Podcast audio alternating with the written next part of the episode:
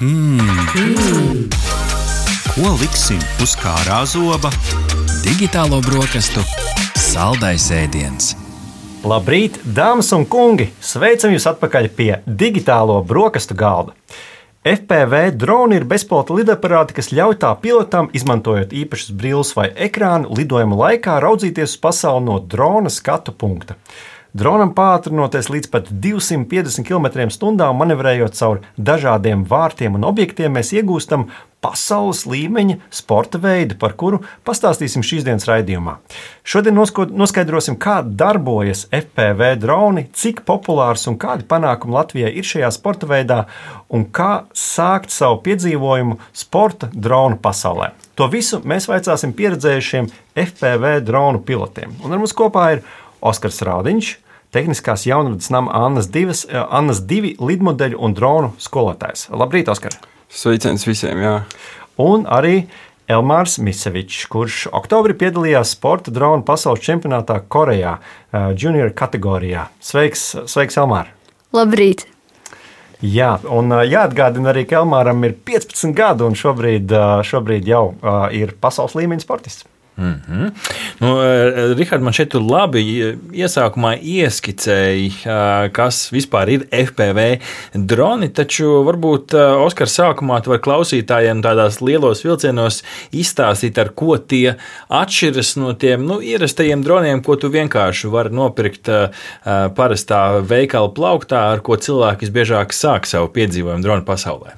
Jā, nu, Droši vien tas galvenais būtu tas ātrums, ar ko viņi lido, un uh, ierobežojumi, ka nav uh, leņķisku ierobežojumu. Drons var lidot uh, praktiski jebkurā virzienā, vai gan uz augšu, gan uz leju. Uh, tas nav svarīgi. Mm -hmm. Kā ir ar uzbūvi? Jo mums, klausītāji, žēl, ka jūs neredzat, mums šeit studijā uz galda ir vairāki droni. Un, nu, daži no tiem atšķirās savā izskatā no tāda ierasta drona, ko varētu ieraudzīt Google, ierakstot vārdu drons. Jā, nu, galvenais standarts jau būtu uh, no plasmasa veidoti visi tie droni. Uh, sporta droni konkrēti lielākoties ir būvēti no karbona un uh, 3D printētām detaļām. Mm -hmm. Um, Varbūt jūs klausītājiem varat raksturot tās izjūtas, lidojot ar uh, FPV dronu, un cik grūti tas ir, uh, Elmāri? Tas ir tā kā, lido, tā kā nu, putnu lidojums, vai tomēr tur ir cita dinamika? Nu, skatoties no ārpuses, tā varētu izskatīties, ka varētu būt sajūta, ka tu lido uh, kā putns. Bet uh, tomēr, tad, kad tu sāc kontrolēt, tad uh, tu jūties kā drons, nevis putns. Tur ir atšķirība. Uh, Kā, kāda tā sajūta, Oskar? Nu, nav tā, ka slikta duša paliek. Tīpaši cilvēkiem, kuri, piemēram, mašīnā nevar lasīt grāmatu, jo viņiem sākās angļuiski sauc, saucamais eh, motion sickness, jeb kustības eh, sliktā duša. Jā, nu, ir cilvēki, kuriem eh, ir tas vairāk, bet nu, lielākoties jau varbūt sākumā, pirmajās reizēs, tā varētu būt, pēc tam jau pierod un var brīvi lidot apkārt. Jā. Lai klausītājiem izstāstītu, tā doma ir tāda, ka tiek uzliktas speciālas brilles, kurās var redzēt to, ko rāda kamera, kas atrodas uz drona. Pareizi, vai ne? Jā, tas mēs skatāmies no drona skatu punkta. Es teiktu, tas ir kā uh, tavs otrais ķermenis, kurā tu būtu kā, iesēdies iekšā un lidojam trijās dimensijās. Elmār, cik grūti tas ir? Cik grūti ir šādi darboties? Nu, lai sāktu tā kārtīgi lidot, tad uh, vajadzēs pāris nedēļas patrenēties. Ho, sākot ar simulātoru, un tad jau var lēnām iet uz uh, mm -hmm. īsto dzīvi. Nu, labi, kungi, atzīsties, cik dronus jūs esat nokāvuši savā mācību procesā savulaik? Neskaitāms. Neskaitāms. Jā, nu noteikti ir noteikti daudz kā, detaļas salauztas. Es varētu būt lepns, ka es neesmu pazaudējis gandrīz nevienu. Viens, okay. diemžēl, noslīka. Bet, Tas visbiežākais ir tāpēc, ka signāls vienkārši pārtrūkst starp tevi un, un, un, un dronu. Nu, standarta gadījumos, kā ar veikalā nopērkamiem droniem, visdrīzākais, ka tas ir tas variants, vai arī ir kaut kāds magnētiskais ietekme uz dronu, un drons vairs nesaprot, uz kuru pusi viņš lido. Tas ir tas mm. standarta gadījums, kā pazūd visi droni, ko mm. veikalā var nopirkt. Bet mūsu gadījumā, jā, vai nu tu aizlido pārāk tālu un tev pazūd signāls, bet nu, mēs no tā cenšamies izvairīties. Vai arī nu, otrs variants notiek kāds cits neapsverts faktors, uh -huh. vai arī tu pats ieldo kaut kur kokā. Uh -huh. Parasti cilvēks ir tas, kuram ir lielākā kļūda. Parasti, nu, kā saka, mums ir droni dažādiem mērķiem. Klausītājiem mēs esam jums stāstījuši raidījumos par industriālajiem droniem, kuri var būt pavisam milzīgi un kalpot dažādiem mērķiem. Vai FPV droni der tikai sportam, vai arī ar tiem dara vēl kādu praktisku lietu? Jā, nu, droši vien visbiežāk izmantotais ir filmu industrijā mūsdienās. Uh, Tā kā tie standarta droni jau visiem sāk jau būt par standartu un apnīki, tad tagad jau skatās uz eksotiskākiem kadriem, kas būtu kā, spo, sporta dronu dinamiski kadri pie liela ātruma. Parastie droni parasti nelido tik ātri, viņi nespēja tik līdzi, piemēram, sporta mašīnām vai močiem. Un, tad ar šiem droniem ir iespējams to izsekot. Un interesantā lieta, ka uh, var arī uzlikt stipri, stipri lielākas kameras, tur pieņemsim uh, kino kameras līdz 3,5 kg un vairāk. Principā. Mm -hmm. Jā, un uh, tagad, nu, protams, aktuāls ir militārā industrijā, ar vien aktuālāk kļūst. Vai tur arī jūtat kaut kādas tendences, ka tie ienāk šie droni arī šajā jomā? Nu, skatoties, kas mums notiek kaimiņos, noteikti var pamanīt, ka tas ir ļoti izmainījis spēli. Mm -hmm. tas ja tur tas ātrums spēlē lielu mm. lomu, vai tu vispār vari to dronu pat pamanīt un, un, un reaģēt uz to. Tā kā, nu, interesanta dronu kategorija. Gribētu noteikti kādreiz pamēģināt, bet jūs jau esat pamēģinājuši, jūs esat profesionāli, katrs, katrs savā kategorijā, un nu, profesionāļi sacenšas sacensībās. Noraksturojiet tās sacensības, kā tās notiek, kāds ir to mērķis un kā tas viss process kopumā ir no jūsu perspektīvas. Uh, Elmārs, sāksim ar tevi. Kā, kā notiek FPV drona sacīkstes? Tad, tad ierodas piloti un sākas pirmie treniņa raundi, kur viņi iepazīstas ar trasi, saprot, kādas trajektorijas jāņem un uh, ierauga kā pretinieki lido. Mm -hmm. Tad jau sāk sākties kvalifikācijas raundi, kur tu uzstādi savu laiku, lai tiktu labākā pozīcijā, un uh, pēc tam būs elimination raundi, kur, uh, uh, ja tu zaudē, tad tevi izslēdz. Mm -hmm. Un ir četri cilvēki reizē lido. Pirmie divi tiek tālāk, otrie divi uh, izkrīt ārā uz to kā, loser braketu. Un, ja viņi vēlreiz izkrīt ārā no loser braketa, tad, tad viņiem sacensības ir beigušās. Taču tie, kuri tiek tālāk, tie cīnās līdz finālam, un tad finālā mm -hmm. noskaidro vinnētāju. Sanāk, ka līdzīgi kā, piemēram, um, Latvijā populārā mini-rallija sacensībās, uh, kur braucēji nezina īsti to trasi, līdz galam līdzīgi arī ir šeit, kad tu atnāc uz uh, sacensību un tad iepazīsti, kāda būs šī šķēršļu josla. Jā, nu, tā arī sanāk, ka tu ierodies trasē, tu viņu pirmo reizi redzi, un tad jau tu uh, nu, jā, mēģini pielāgoties maksimāli ātri. Es pat teiktu, ka tas ir viens no kā, kas nosaka, cik ātri tu lidosi. Tas būs, cik ātri tu spēsi to trasi iegaumēt no galvas, mm -hmm. nu, nu, pirmo reizi viņu redzot. Uh -huh. uh, Oskar, uh, kā mums vispār ir panākumiem šajā sporta veidā? Kā mums līdz šim veicies? Es saprotu, ka tikko arī bija liels sacensības Dienvidkorejā, vai ne? Jā, nu, globāli ļoti labi. Es teiktu, nu, vispār Latvija tādā kopējā pasaules topā mēs esam nu, vismaz pieciniekā noteikti. Wow. Uh, mēs esam jau šobrīd ir bijuši trīs pasaules čempionāti kopā. Četri pasaules čempionāts notiek katru otro gadu normāli. Uh, Pa vidu, protams, bija Covid, kas kaut ko izjauca. Un vēl e, drona sports e, pagājušajā gadā pirmo reizi tika iekļauts e, pasaules spēlēs, un arī Amerikā pārstāvējām Latviju. Mhm, fantastiski. Elmār, kā tu gatavojies šādām sacensībām? Divi gadi, un tad ir, kā saka, tajā kvalifikācijas raundā ir jāspēj parādīt vislabāko. Nu, pirms sacensībām es uh, daudz trenējos. -hmm. Pēc skolas un vasaras brīvlaikā uh, braucu uz uh, ādažiem vai uz uh, iecavu, lidot pa mūsu treniņu trasi. Mm -hmm. un, Tad tā vienkārši nu, tur uh, kaimiņam pie ausīm tā lidošana nenotiek. Jābrauc uz speciālu trasi. Ja? Jā, mums tur uh, kā, pilotu grupas ir sataisījušas trases. Uh, dažās vietās es zinu, ka arī Valmjerā ir trase. Mm -hmm. Un, Jā, tad mēs aizbraucam, patrenējamies tur 3-4 stundas. Uh, ceram, ka neko nesalaužam un braucam mājās atpūsties. Vai mājās arī simulatorā var trenēties, vai tas tomēr nav tas pats? Var trenēties, daudz arī trenēs, bet uh, man tas uh, nav tas pats. Mhm. Dažiem liekas tas ļoti līdzīgi, taču man tas īsti nepatīk un nepalīdz. Simulators, lai mūsu klausītāji saprotu, ir līdzīgi. Tu uzliek šīs brilles virsū un tu redzi un vādi nu, vienkārši digitālu dronu, pat digitālu trasi. Vai ne, Oskar, ko tu domā par simulēšanu? Jā, nē, nu, es teiktu, ka tas ir ļoti svarīgs punkts. Kā, pirms mēs sākam laust diezgan dārgas detaļas, tad mēs iemācāmies datorā relatīvi lēti lidot un kontrolēt to dronu. Jo tā ir milzīga atšķirība starp uh, veikalā pieejamiem standarta droniem. Šiem droniem nav stabilizācijas, un viņi ir kā, pilnīgi manuāli. Ja tu mm. atlaidīsi rokas, viņš nokritīs, un kā, tu viņu pilnībā stūrē. Jā, veikala un, nopērkajiem droniem, ja tu palaidi vaļā, viņš karājas gaisā. Jā, šie, šiem, ja tu atlaidi, tad viņš nokrīt. Un uh, interesanti ir, jā, kopējais jā, process mācīšanā. Mm -hmm. Šis ir diezgan arī tehnisks sporta veids. Kādas uh, zināšanas Oskar ir vajadzīgas, lai varētu uzbūvēt savu pirmo FPV dronu? Jo es saprotu, ka tomēr sportisti lielā mērā būvē tos paši, vai ne? Jā, protams, mēs viņus būvējam paši. Mēs īstenībā arī ejam tālāk, izstrādājam dažādus pielāgojumus konkrētām trasēm, un tāpat arī šobrīd uz Koreju pielāgojam. Bet nu, tās galvenās lietas, kas būtu nedaudz kaut kas no elektronikas, lodēšana būtu ļoti ieteicams.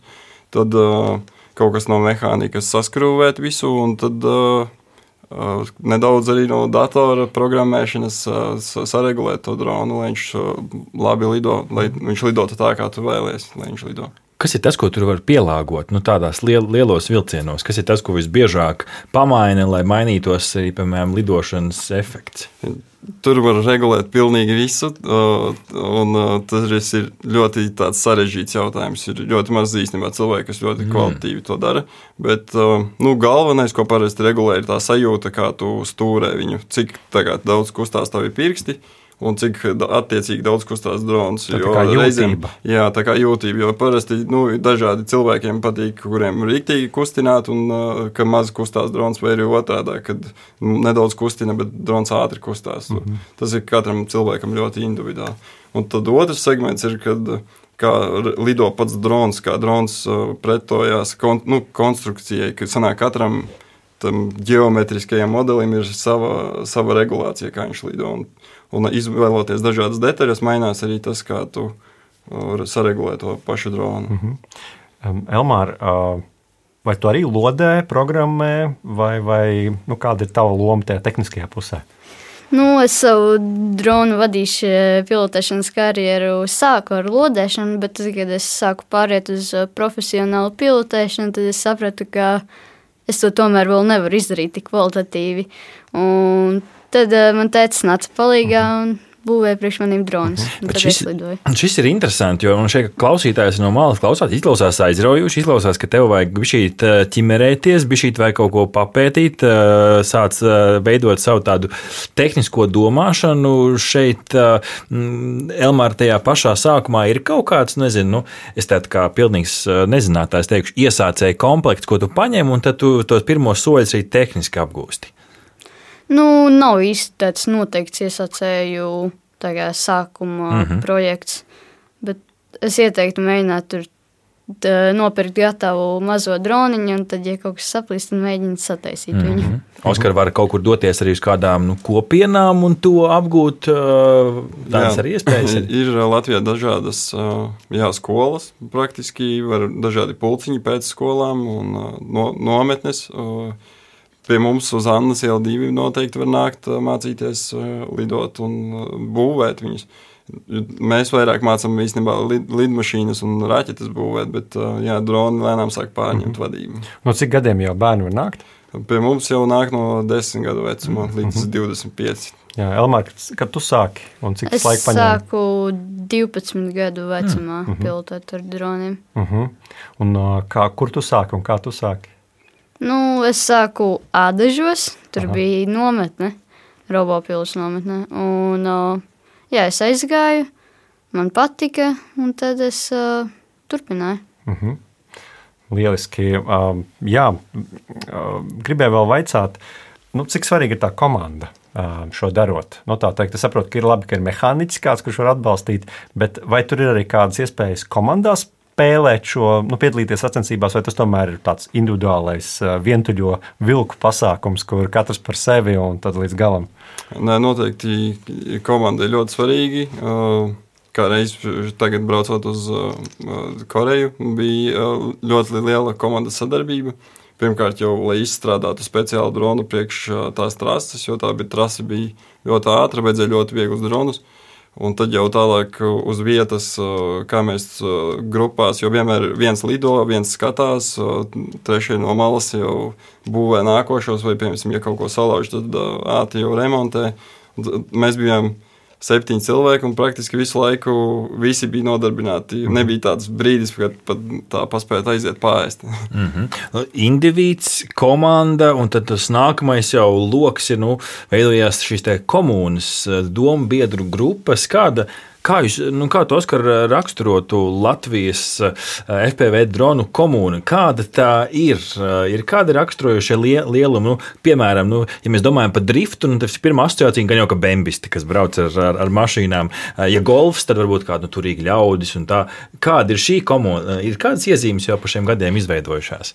Ir, es teiktu, galvenā un pirmā iezīme būtu programmētāji. Lielākā okay. daļa ir kaut kādā veidā saistīta ar programmēšanu. Gados jauni? Diezgan jauni, jā. Ir arī vecāka gājuma, bet tie noteikti programmētāji mm -hmm. lielākoties. Un, uh, jā, un pārējie nu, inženieri lielākoties. Tehniskie, jā, tehniskie cilvēki, kam interesē lidot vai, arī filmēt. Otra daļa, jā, viena ir nu, vairāk, kas šis bija sportam, bet, uh, ja globāli pa droniem, tad otra ir daļa filmēšana un kā, uh, jā, dažādu satura veidošana mm -hmm. operatoriem. Elmār, kā saka, tu esi trīs gadus jau lidojis un jau Latvijas komandā savā, savā klasē. Kā tu redzi to nākotni, arī savu nākotni saistībā ar droniem? Nu, es noteikti vēl gribu piedalīties sacensībās daudz, izcīnīt labas vietas un pamēģināt arī filmēšanas karjeru nedaudz. Uh mhm, -huh, lieliski. Un kā tu redzi, nu, Latvija šobrīd ir piektajā vietā pasaulē. Uh, Ar ko mēs esam pārāk par tiem citiem? Jo nu, es ticu, ka resursi lielām valstīm varētu būt arī daudz vairāk. Es iztēlojos Āziju, nu, tur noteikti ir milzīgs atbalsts, lai tas viss varētu notikt. Es pieņemu, ka Korejā tā ir liela industrija aizmugurē, arī tam visam elektronikas industrijai tā skaitā. Kas mūs padara pārākus par, par citiem, tavuprāt? Nu, mums uh, pasaules sacensībās bija ļoti labs tur, uh, komandas darbs. Mm -hmm. Tur atšķirībā no citām valstīm. Uh, Un mums arī paveicies, ka daudz talantētu pilotu ir. Uh -huh. Oskar, kā tu raksturo to situāciju? Kāpēc mēs varam turēt līdzi arī tādām tehnoloģiju lielvar, lielvalstīm?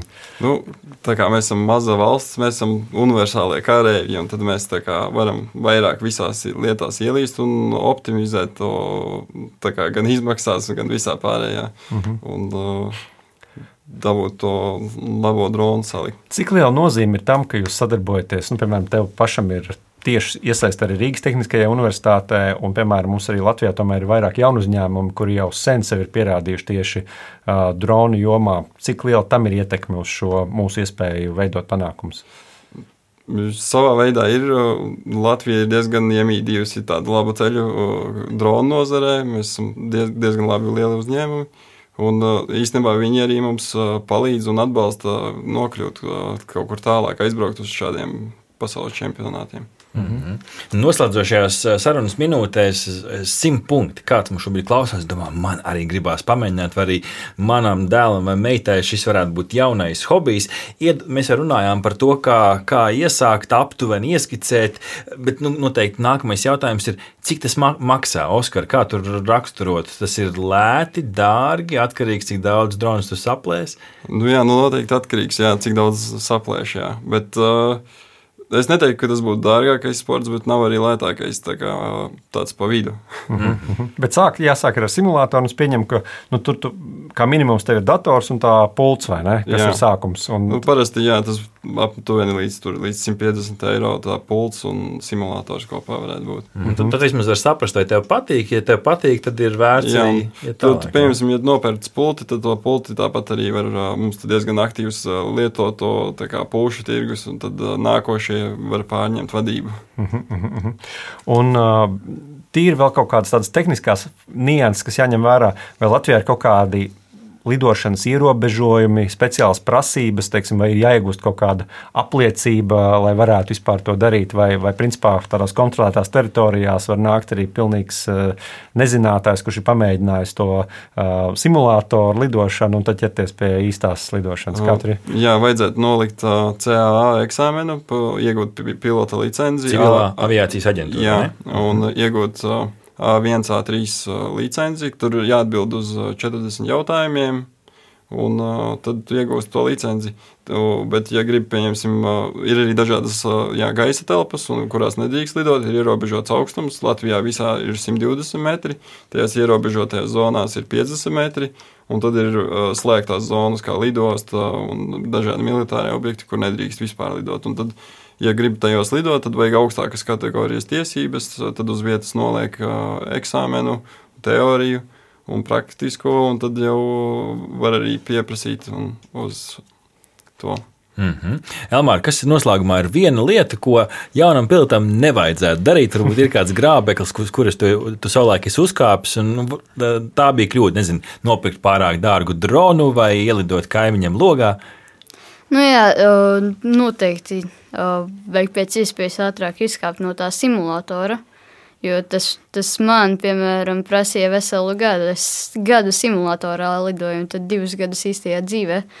Un, jā, un būt pacietīgam, tas ir ļoti svarīgi. Jā, liels paldies, Elmārs Misevičs pasaules čempionāta dalībnieks un arī Oskars Raudiņš, tehniskās jaunas Annas, Nama Annas divi lidmodeļu un dronu skolotājs bija kopā ar mums. Patiesi, FPV dronu pilotēšana ir aizraujoša un dinamisks sporta veids, kas prasa tādu augstu prasmi un reakciju. Prieks, ka bija iespēja iepazīt šo, un nu, lai Latvija arī turpmāk liela panākuma šajā sporta veidā. Jā, paldies! Paldies! Aha! Paldies, ka noklausījāties mūsu līdz galam! Ja patika, uzspiediet like, atstājiet komentāru vai padalieties ar draugiem. Un nobaudiet arī citas epizodes, kā arī sekot mums, lai nepalaistu garām savu ikdienas tehnoloģiju ziņu devumu.